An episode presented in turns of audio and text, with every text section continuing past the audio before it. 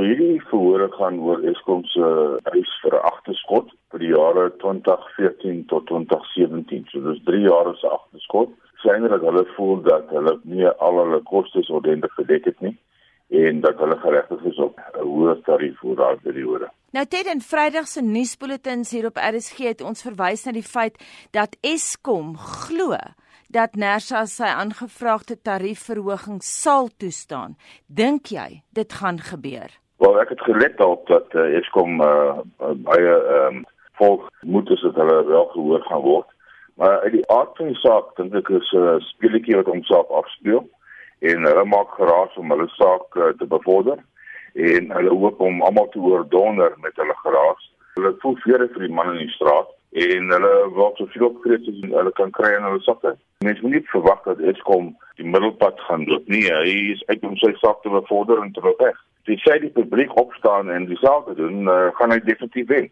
Nou jy voel nie vrede vir Jan en Saan publiek nie. Jy gaan die publiek verteenwoordig by al 9 van die sittings. Wat is die sterkste en die beste argument wat jy teen hierdie verhogings gaan gebruik?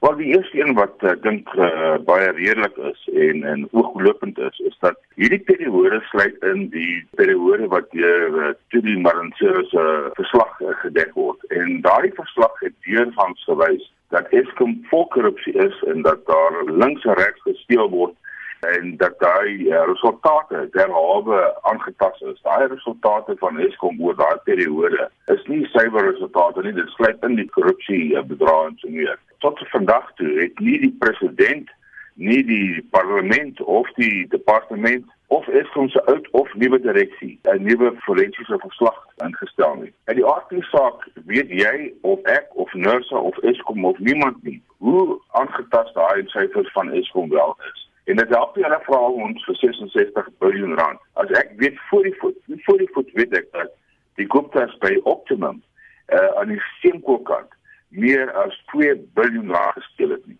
Nou daai 2 biljoen rand is in 66 biljoen rand vervat.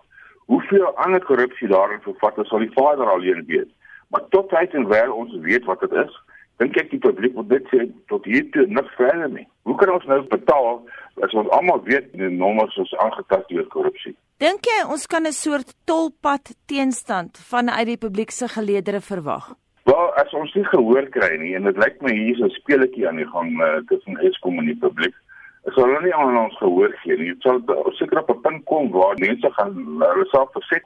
Ek dink die mense kan heeltemal uh, nie betaal nie, maar uit die aard van saak sal mense uh, hulle sê kyk ons gaan uh, nie die verhoging betaal nie. Tot tyd en wel hierdie hierdie forensiese verslag nie beskikbaar gestel word. Daar is munisipaliteite wat nie betaal nie. Ja, absoluut. En uh, is kom dreig heeltyd uh, om uh, hulle ook af te sny. En dis 'n probleem, as jy niks betaal nie, dan is dit baie maklik vir Eskom om op 'n regverdige basis afgesny te kry. Maar as jy wel betaal op die ou tariewe, dan kan dit baie meer uh, omslagtig raak vir Eskom om uh, hofbevel te kry teen mense en hulle af te sny. Daar moet verset wees. Dis hoogtyd dat ons onsself verset teen al hierdie korrupsie en die feit dat Eskom ons net boelie. Ek dink daai tyd het omtrent nou gekom, maar jy weet Ons het nou omtrent 90000 mense op ons petisie wat by ECO is, eeco.co.za.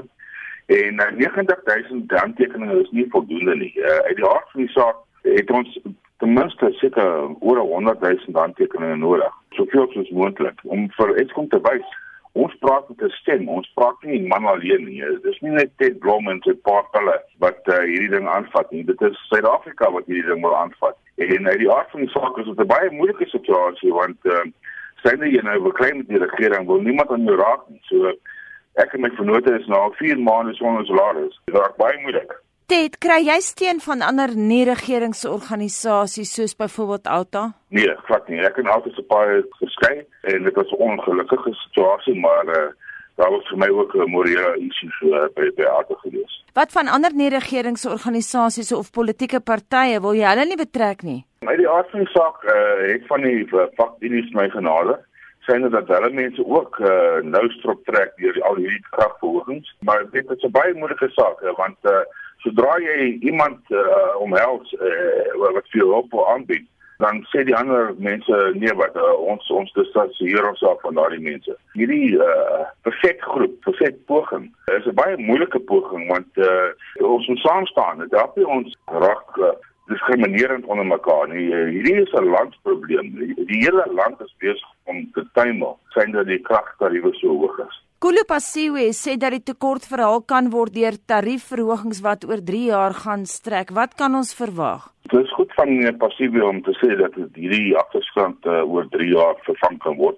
Maar uit die aard van die saak, is hierdie die eerste jaar waar Eskom nou weer sy nuwe prysverhogings vir die toekoms moet aanvra onder die MYPD4.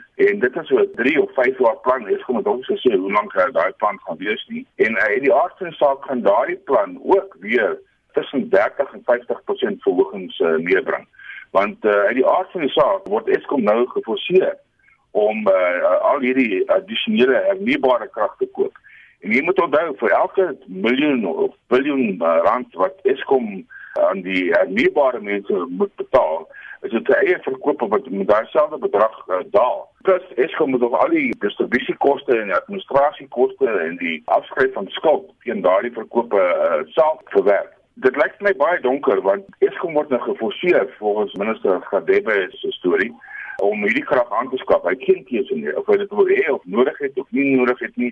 Hy moet dit aanvaar en hy moet daarvoor betaal. Dit gaan lyk op die ineenstorting van Eskom. Maar die aard van die saak, die mense ook hier vra, hoe staan die etiek op hierdie storie? Want uit die aard van die saak is nergens 'n verspreidings uh, filosofie dat Eskom die goedkoopste krag eers moet versprei en daarna na diesel krag kyk op die laaste. Eskom word nou geforseer om die duurste krag eers te versprei.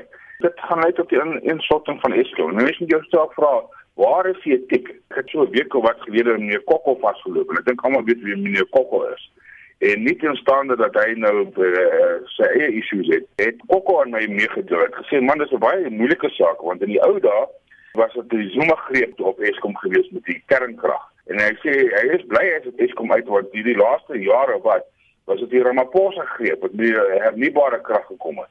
En as jy mense 'n bietjie gaan naspeur, dan sien jy sien hier is 'n klomp diknekke wat betrokke is by die hernubare krag en wat baie geld daaruit gaan maak. Dis ongehoord dat enige iemand geforseer word om 'n 20 jaar kontrak te sluit waar jy die ander persoon waarborg dat jy al sy goed gaan vat en dat sy jy sy prys gaan kan styg uh, oor daardie 20 jaar tydperk. En dit is waar Eskom nou staan. Jy weet aan die een kant moet mense simpatie met hulle hê.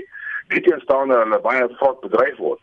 Maar hulle word nou oor die drempel geforseer en ek dink dit hou baie sleg in die in. Jy sê nou interessante iets gegee oor die feit dat meeste mense dink die Ramaphosa administrasie is 'n skoon een. Wel, ek gaan kyk 'n bietjie na wie se beweegkragte agter hierdie hernubare krag. Dit is die mense wat die meeste daar uitput en wat al klaar daar uitput is die Ramaphosa en die Motsepe en die uh, Gadebe gesinne. Lyk my hulle is almal verwant met die hernubare krag. Inteendeel, hulle deel aan die duurste krag, die eerste ronde waar die pryse oor die 3 rand per uh, kilowattuur was hierdie feit dat hulle nou oor die volgende paar jaar nog 20 gigawatt gaan forceer op die Suid-Afrikaanse ekonomie en mense kan verstaan dat dit 10 teen op dieselfde reëls sal wees dat hulle geforseer word om dit te koop. Dit stel nie vir ons goeie nuus uit nie.